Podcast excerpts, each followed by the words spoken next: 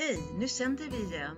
Efter långt uppehåll kommer nu ett nytt avsnitt av Sostanpodden som är gjord av eh, Bitt Ingmarsson och Helena Norén.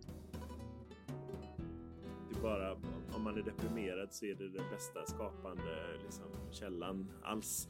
I alla fall inte inom socialtjänsten hjälp, eh, fungerar det inte så utan där tror jag att eh, tid och lust eh, och, och, energi och kreativitet kommer ur liksom någon slags glädje och stolthet över, över det man gör, alltså sitt arbete. Men den fanns inte kanske så som man skulle önskat. Välkomna till SOS-tantpodden som sänder nu igen efter ett långt uppehåll. Den ni hörde precis nu, den personen, det var Joel som berättade om sina erfarenheter från SOS 2019. Och idag kommer ni få möta Lydia som arbetar som socialsekreterare i Linnéstaden på SOS. Och hon har varit verksam i två år. Sen kommer ni möta också Maria som jobbar som socialkonsult. Och vi som gör programmet heter Helena Norén och Bitti Ingemansson.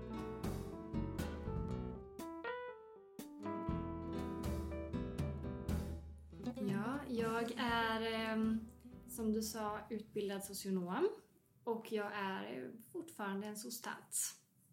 Men nu så jobbar jag med barn och unga istället. Ja, det är, en, det är en hel del saker är ganska lika. Men eh, det finns ju väldigt mycket skillnader också. Det är ju en helt annan målgrupp, mm. är det.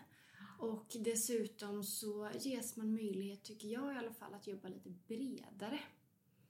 Eh, man får ta ett lite mer samlat grepp kring barnets och familjens situation. Eh, och det, det, tycker jag är väldigt intressant. När började du jobba i Linnéstaden på Barn och familj? Är det va? Barn och familj heter det. Ja men precis. Ja. Eh, barn och unga. Barn och unga. kallar man det nu. Ja.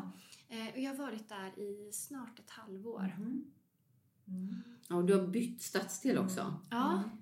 Mm. Så nu är du i Majorna Linné. Man är ju jättenyfiken på att höra liksom, vad är det för skillnad på att jobba i Linnéstaden och mot Angered och sådär. Mm. Vad är, kan du säga någonting som slår dig som är annorlunda? Är det det? Mm. Det, det, är nog ganska mycket som skiljer sig åt. Mm. I eh, Linnéstan då, eller Majorna, så har ju våra klienter, de har ju väldigt god koll på sina rättigheter. Jaha. Mm.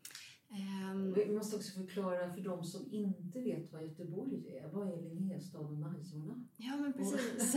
ja, det kan vi ju säga så här efter valet att eh, där är ju Socialdemokraterna och Vänstern och Miljöpartiet väldigt starkt. Det är, det är väl ganska mycket eh, tämligen välutbildade människor. Det är det? Ja, och det, mm. det skiljer sig ganska mycket åt från när jag jobbade i Angered. Mm. För där eh, där, var det inte, där var inte alla lika välutbildade, man hade inte lika bra koll på sina rättigheter. Eh, vissa hade inte ens med sig det svenska språket. Men den stora skillnaden är ju förstås den här socioekonomiska situationen i Angered och ja, eh, Majorna Linné. Ja, och det, i Angered där är väldigt många människor som inte kommer från Sverige från början. Men vad, vad betyder det då? När folk har väldigt koll på vad de sina rättigheter, vad innebär det för dig? Är det, blir det ett problem för dig som socialsekreterare när du möter? Nej, det, det, är absolut inget problem. Det tänker jag snarare är väldigt bra, att mm. folk har koll på sina rättigheter. Mm. Men däremot så ställer det ju lite högre krav på en som socialsekreterare. Folk har eh, mycket mer åsikter kring hur jag formulerar mig i utredningar till exempel. Mm. Um, om jag kommunicerade en utredning i Angered så var det, det kändes knappt som att klienterna läste igenom det som jag hade skrivit. Mm. Medans i Majorna Linné så kan jag få flera A4-sidor med synpunkter och kommentarer på mina utredningar och ord, allt från ordval till um, ja, allt, allt möjligt. Liksom. Då kommer jag osökt in på frågan, alltså, jag vet att det pratade vi om sist då, är, har skolan verkligen förberett sina studenter för, för vad som möts i verkligheten? Vad, vad säger du om det idag? Ja, på sätt och vis. Jag sak det finns många grejer som jag saknar i utbildningen. Det Absolut, det finns det. Det här med konflikthantering är en sån sak som jag önskar att vi hade pratat mer om.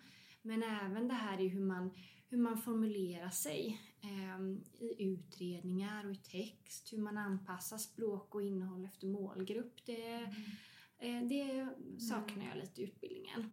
Men också det här med hur man pratar med barn.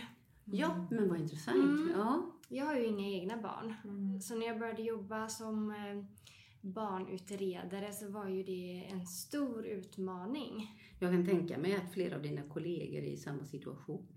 Absolut, vi är en väldigt eh, ung grupp, arbetsgrupp. Du, vad menar du med ung då? Ja, de flesta är väl mellan, eller vi är väl 22 till eh, 35. Erfaren- Man har ingen lång erfarenhet av yrket. helt Nej. enkelt. Precis. Och precis det du säger, man har inte egna barn. Inga egna barn, nej. Mm. Ehm, så, så dels det hur man pratar med barn, men hur man också... Barn som inte vill prata, hur gör man då? Och hur eh, ska man prata med barn utan att lägga orden i munnen på dem eller eh, få dem att säga saker som de sedan ångrar? Det är jättesvår intervjuteknik. Jättesvårt. Hur, hur Ja. gör ni då? då? Vem, vem, vad får du hjälp ifrån? Ehm, ja, jag... ehm, dels så finns det... ehm, ja, hur gör jag egentligen? Vi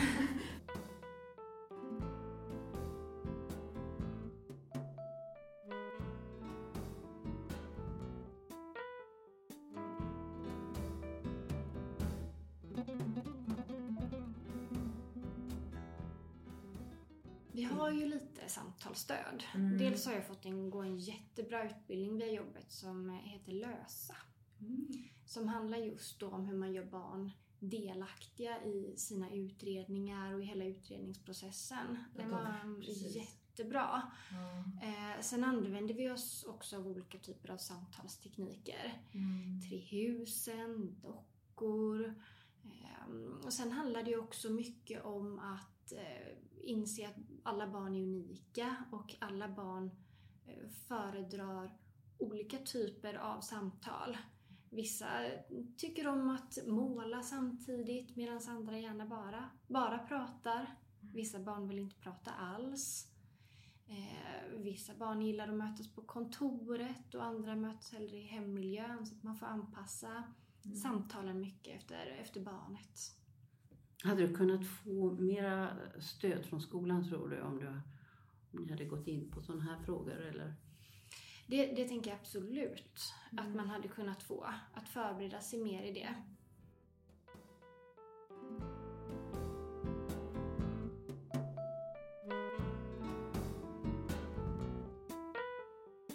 Lydia har ju nu jobbat två år som socialsekreterare. Och hon sammanfattar ju här, när vi pratar med henne Bitti, om vad hon saknar ifrån sin utbildning som hon tycker hon inte kan. Mm, ja, hon, hon, Vad är det hon saknar? ja, dels är det konflikthantering. Eh, Det är också hur man skriver utredningar eller hur man Mm. formulerar utredningar och till vilken målgrupp. Och att jobba med barn, prata med barn. Och anpassa språket pratar hon om. Ja, det intressant. pratar, ja. Ja. Och men jag tänker också att det, det, det, skolan kan ju inte ge precis allt. Men då krävs det ju också en, att man kommer ut i en arbetssituation med arbetskamrater som kan ge eh, den kompetensen under tiden man arbetar. Mm. Att, att man får mycket stöd i utredningsarbetet till exempel. Det är ju väldigt viktigt. Hur är omsättningen? Har du någon koll på det? Det har varit en väldigt hög personalomsättning på min arbetsplats eh, det senaste halvåret. Nästan hela personalgruppen är utbytt. Oh, jaha. Mm. Det är tufft. Ja, så det är mycket som har hänt. Sen, eh, det är inte så jättemånga som har gått över till att jobba på barn och unga i andra stadsdelar utan, eller så, utan de flesta har gått över till helt andra yrken. Många, ja, I andra yrken till och med?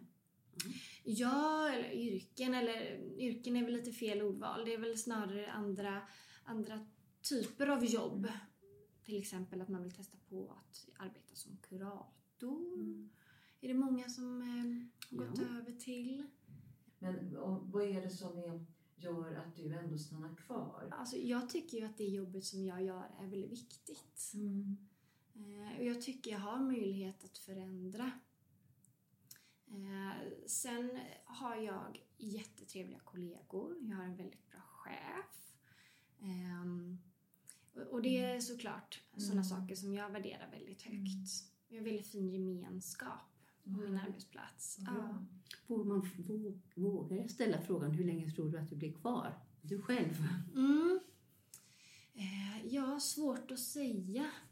Eh, det, mm, dels så beror det ju lite på arbetsbelastningen. Mm. Eh, och sen är jag ju en sån person, jag vill gärna eh, utvecklas hela tiden. Eh, så för mig är det viktigt att jag ges möjlighet till bra handledning och sådär så att jag känner att jag utvecklas och, och blir bättre.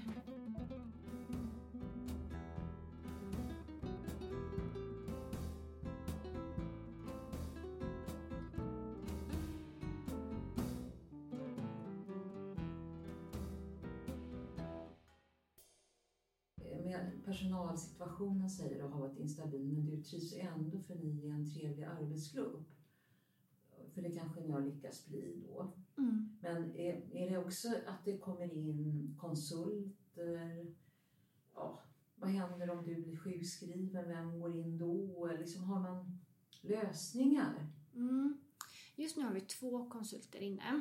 Mm. För det saknas ju På, på hur stor Ja. arbetsgrupp? Eh, jag... Åh, hur många kan vi vara? Jag skulle tro att vi är runt 20 stycken utredare. Ja. Så det är nog ganska stor arbetsgrupp. Men eh, sen har vi två konsulter inne som har varit inne nu sedan våren 2022. Eh, så vi har inne konsulter under ganska långa perioder åt gången. Vad, vad är deras uppgift? Då? Eh, ja, det är väl att avlasta oss. Går in till exempel om någon är sjuk eller borta. Eller? Mm. Eh, och eh, vi har haft väldigt högt eh, inflöde den senaste tiden Av, av, av ärenden. klienter, säger man klienter idag? Ja, precis. Mm. Klienter. anmälningar då. Mm. Mm. Och ansökningar då som inkommit till oss. Så att Mm. Högt inflöde av ansökningar och Mm. anmälningar. Och då de konsulterna som vi har haft den senaste tiden har varit väldigt duktiga, väldigt kompetenta. Eh, så det är klart att då blir det ett stort stöd att få in Mm. konsulter. Med tanke på att ni är så ung arbetsgrupp också. Ja, Ja. Eh, Och sen tycker jag också att, eh, eller många av de konsulterna som vi har haft inne har också gått in och gjort lite punktinsatser. Har de kanske fått ta många tunga ärenden Mm. och jobbat liksom väldigt koncentrerat med just de ärendena. Mm. De har också stått lite grann för kontinuiteten då. Ja, På ett vis. Ja. det stämmer. Mm. Ehm, Men ehm, ja, så det kan jag, hade jag absolut kunnat tänka mig någon gång i framtiden kanske att, att testa på det, att Mm. jobba lite som konsult.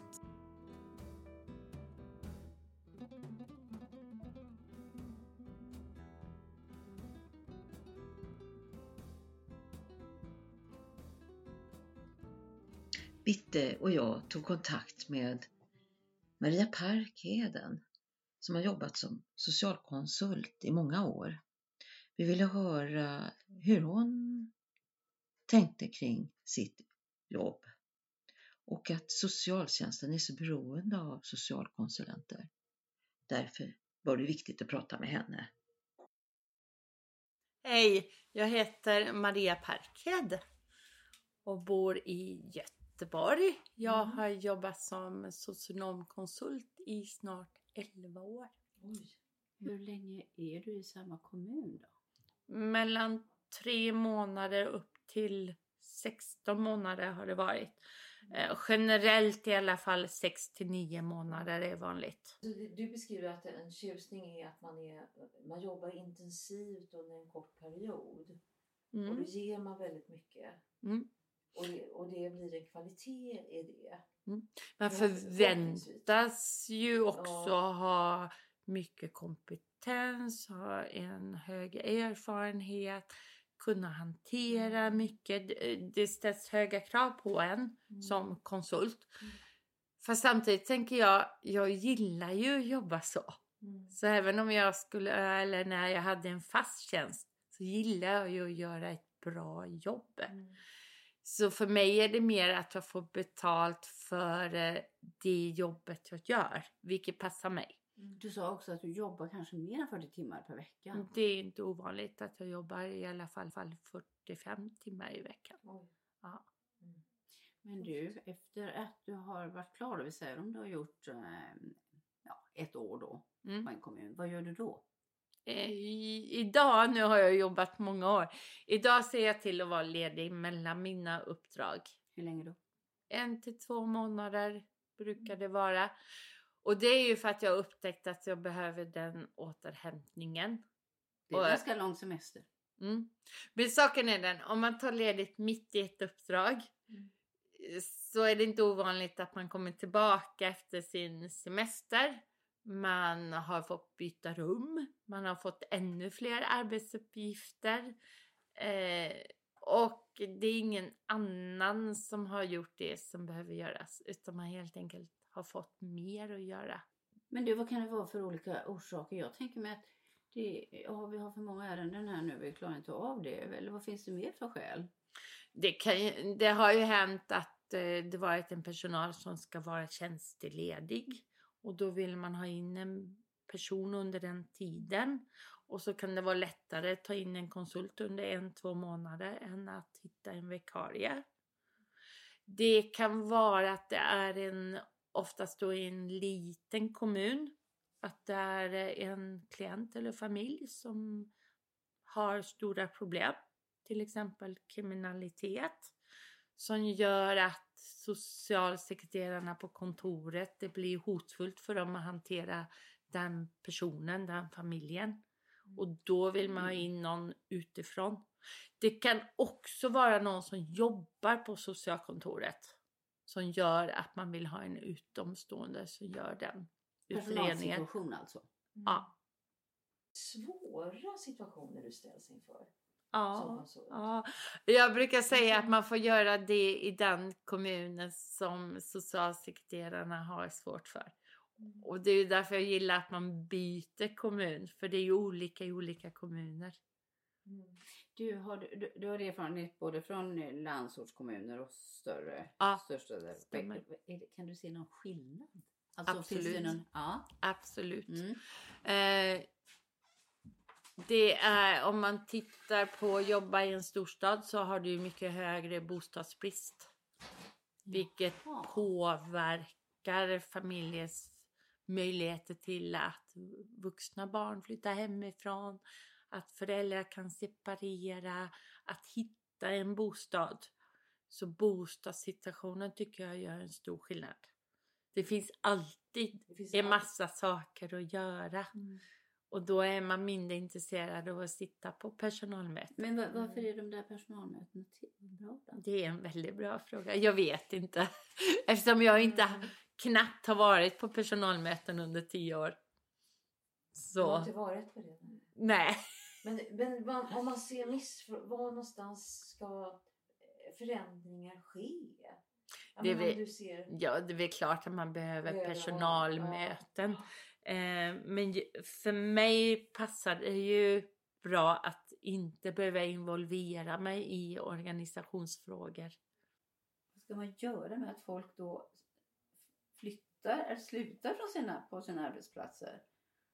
Mm. Alltså, Kommunerna försöker ju hitta lite olika saker och locka med lite olika. Eh, det kan ju vara utbildningar till exempel som man lockar med. Tycker du att det är kännbart? Det här att... Eh, Alltså, när man säger kompetensflykt. dilemmat är ju att när man jobbar som konsult så kommer man ju ofta in i organisationens socialkontor där man har svårt att anställa personal. Mm. Och då kan det ju bero på att man ligger långt ifrån en socionomutbildning. Man ligger långt ifrån en, alltså där det är lätt att rekrytera personal. Mm. Kan ju vara en orsak.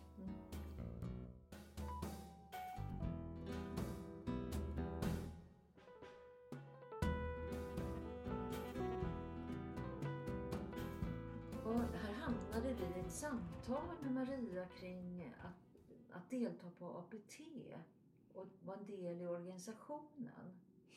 Och då tycker hon att hon har inget behov av det. Hon har inget behov av att gå på personalmöten. Hon har inte varit på något personalmöte på, på alla sina år, tio år. Hon har inget behov av att vara med att förändra utan hon eh, säger att hon har inga svårigheter. Hon går in på en arbetsplats och så säger folk till henne du ska göra det här och det här. Och så gör hon det och så är hon nöjd. Och så deltar hon, alltså hon går in i ärendet men inte i organisationen. Nej. Och måste liksom kanske lite använda sig av deras tankar och traditioner. Hon måste gå in i deras Ja, det system. måste hon göra. Mm. Men ehm, och det kanske är ett sätt att hantera den här rollen som socialkonsult. Att man måste vara en sån person då. Ja, säkert. Och gilla läget. Ja. Vi träffade Marie Persson som arbetar i en liten kommun i Dals-Ed som också haft hjälp av socialkonsulter och hon berättade så här. Och jag kan ju säga det att eh, vi har ju haft några konsulter som kanske inte har, det har inte funkat så bra, men vi har också haft konsulter som har fungerat jättebra. Och det är så himla viktigt att den som köper in tjänsten verkligen formulerar vad det är den vill ha. Så vi har haft det lite, under en period så har vi haft det lite krisigt på våran arbetsplats. Och det var ju också i samband med det då som, som jag blev sjuk. Men när, eh, när jag kom tillbaka så hade de tagit in eh, två konsulter. En IFO-chef och en förstesekreterare. Och de här två hade fått ett väldigt tydligt uppdrag att liksom ena jobba, ja, jobba fram hållbara, ja, hållbara rutiner, en, håll, en hållbar situation på kontoret. Ja, så, ja, en struktur och även var de ju, och de här var ju mänskliga och även såg till att man mådde bra på jobbet. Så det är så otroligt viktigt att eh, den som köper in konsulten formulerar vad den vill ha. Nu har vi inga, för de har liksom ändå sett till så att det har anställts folk som... så de har jobbat bort sig själva kan man säga och det var väl det som de skulle göra. Ja. Ja. Fantastiskt. Ja, Ja, säger tunga ärenden. Är det det som kan vara tröttande? Vad är det som kan få en att vilja sluta? Du har ju haft kollegor nu som har lagt av. Mm. Ja, det är väl all dokumentation också. Man Mm. lägger ju mycket tid på det här att dokumentera och att sammanställa utredningar och sådär. Och det är väl inte jättekul alltid. Nej. Vad, vad skulle man... Finns det, har du tankar på om man skulle kunna förändra någonting där när det gäller dokumentationen? Skulle det kunna se annorlunda ut? Är det någonting som är väldigt tidskrävande som kunde ha gjorts på ett annat sätt? Ja, jag vet att man inom vissa socialkontor valt att anställa administratörer. Ja, Ehm, tillbaka ja, För så var det på Mm. våran tid. okej. Eller det, var, det, det finns det fortfarande tror jag i Bengtsfors kommun. Andra yrkesgrupper skulle kunna göra. Eh, förstår du vad jag menar? Ja. Ja. Jo, jag vet ju själv, för jag har ju själv varit eh, utbränd under en period här ganska nyligen. Och mm, det är ganska nyss som jag började jobba heltid igen. Och då var det så här att, eh, att eh, vi blev av med våran administratör på kontoret. Vi skulle göra allting själva. Och eh, Ja, det går. Det är någonting, vi säger man står där och har kanske som, som jag då, jobbar med ekonomiskt bistånd. Så har jag ju liksom en, en vecka i månaden kan man säga där det är liksom en full rulle. Och då sker det någonting som gör att jag, som, som jag inte har tid med. Och då kan jag bara be henne. Kan du göra det här? Kan du ta tag i det här? Ja.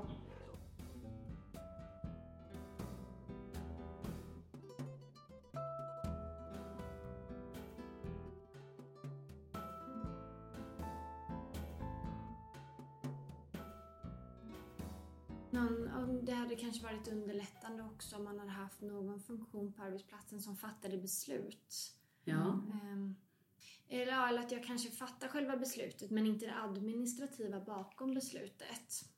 Nej. Och det kan ju vara enkla saker som att boka tolk eller Mm. eh, boka Exakt. en bil. Det kan vara Ja, för det måste ni göra själva. Ja. Boka rum och Ja. boka Mm. Bilar. bilar. Mm. Ja. Mm. Göra upp också tider. Mm. Det är också himla tid att kalla. Ja. Kan du släppa jobbet när du går hem? Ehm, Alltså jag vill ju, jag vill ju Ja. säga ja, men Mm. så är det inte riktigt. Utan jag tycker Nej. ofta att jag tar med mig jobbet hem. Mm. Eh, Speciellt om det är tunga ärenden. Och, ehm, ja, det kan vara jättesvårt. Men vad gör du? Har du någon att prata med då? Eller liksom, är det, eller?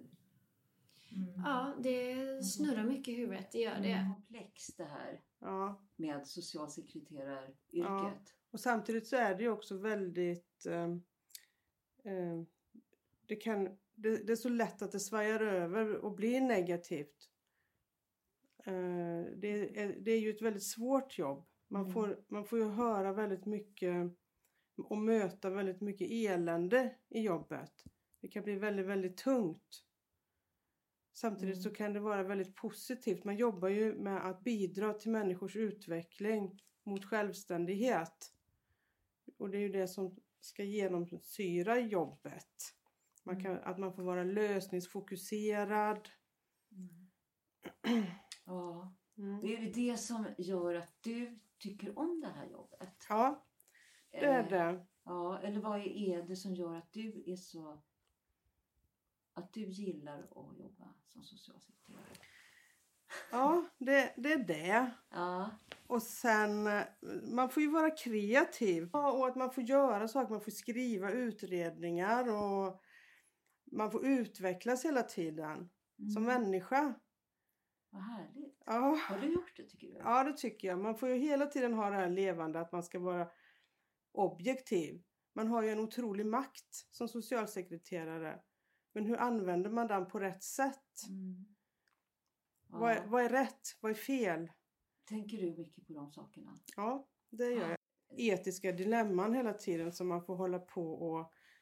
Ja, Diskutera med sig själv och sin Mm. arbetsgrupp kanske också? ja jajamän. ja. Och det är därför som det är så viktigt att man har en arbetsgrupp. Och, som, eh, och, och en arbetsledare då som man får, man får ta de här diskussionerna med och bolla saker. Har man inte det så blir man ju väldigt ensam och det kan bli, det kan bli farligt. Man kan komma in på ett felaktigt spår. Mm. Och man hör ju många gånger om att klienter har träffat socialsekreterare som de har upplevt att de har varit väldigt eh, maktlystna Mm. och, och inte kanske har varit lyhörda Mm. och tagit vara på människans eh, egna resurser. Mm. Vad fint du uttrycker dig. Ja.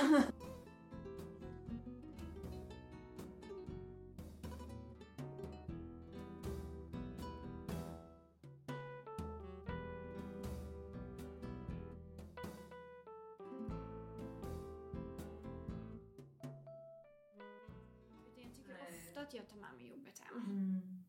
Mm. Eh, Speciellt om det är tunga ärenden. Och, ehm, ja, det kan vara jättesvårt. Men vad gör du? Har du någon att prata med då? Eller liksom är det, du, det bara snurrar runt i huvudet? Eller? Mm. Ja, det snurrar mycket i huvudet, det gör det. Mm. Sen håller jag på mycket med yoga och meditation Mm. och eh, gillar att ta promenader i skogen och Mm. jag försöker att ta hand om mig själv Mm, eh, på min fritid. Mm. Det, det tycker jag är hjälpsamt. Att man har positiva relationer och att man har Mm. Familj och vänner att, att prata med. Du, Utan- vet, du vet egentligen hur du ska handskas med det här. Men det, Ja, Men det ställer stora krav egentligen på den människa som ska jobba där. det gör det. Och just också eftersom att vi har det här, den här sekretessen så kan man ju inte prata med vem som helst och när som helst och Mm. hur som helst. Utan, ehm, ja. Men jag får bra handledning. Ja. Får bra handledning, du vet hur du ska ta hand om dig själv, du kan ha bra relationer privat. Ja. Kan, man, kan man säga det till varandra också? Gud, jag har inte sovit någonting i natt. Jag bara grubblar på den här familjen. Kan man? Absolut, det pratade vi om senast idag. Mm. Ja, bra. Man kan, eh, ibland kan man behöva en kram på jobbet, man kan behöva Mm. gråta lite men eh, Ja, det är så det ser ut. ja. Ja, vad tufft. Det är starkt. Är det. Och det, Ja. ibland är det rätt härligt att ha mycket känslor i sitt jobb. Och ibland pratar om hur jobbigt och tufft det är Mm. att jobba inom socialtjänsten. Mm. Men sen är det väldigt få som, eller Sätter ord. ja, som sätter ord på vad det är. Ja, vad är det komplexa i det här yrket? Mm. Det är därför jag och Bitti gör den här podden. För att vi vet det. Vi själva hade svårt i det här yrket och andra har haft det. Och det verkar bara bli svårare och svårare. Ja. Det är det som är, är lite tröstlöst. Och jag skulle önska att det är roligt att höra dig om när du berättar om att det finns en massa bra insatser som görs nu. Mm. Samverkansinsatser. Och, Men jag tycker också det skulle vara väldigt bra om eh, det diskuterades det här. Ja, Svårigheterna. i massmedia. Ja, i massmedia och bland kollegor förstås. Mm. Lite mer öppet kanske. Mm. Mm. Men vad kommer hända med den här podden nu? Eh, ja, vad det kommer hända? Vi, vi eh, kommer kanske avsluta, men det skulle vara roligt om någon annan tar över. Och vi tycker att det behöver, behö- Ja, behövs. vi behöver en, en podd där man diskuterar socialsekreteraryrket. Mm. Och det kan man gå ut på Facebook Mm. i den socialsekreterargruppen som finns där, eller socionomgruppen och säga ja, fortsätt podda kring soc-tanter. Mm.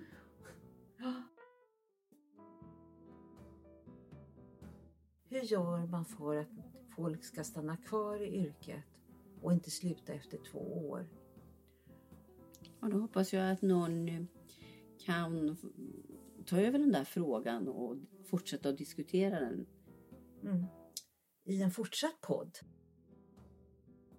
Ehm, jo, som socialsekreterare då så får man ju utveckla sin egen medmänsklighet och eh, förståelse för den enskildes egen, egen makt och deras egen förmåga.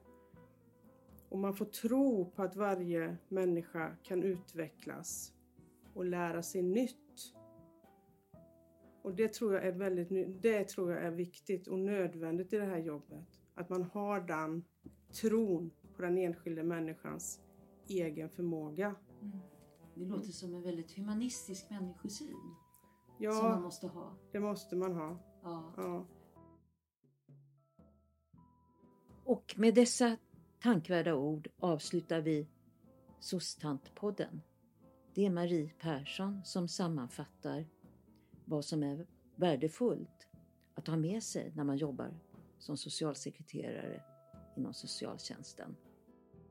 Ja, den stora frågan Bitte, det är ju hur gör man socialsekreteraryrket mer attraktivt? Hur gör man för att folk ska stanna kvar i yrket och inte sluta efter två år? Och då hoppas jag att någon eh, kan ta över den där frågan och fortsätta att diskutera den.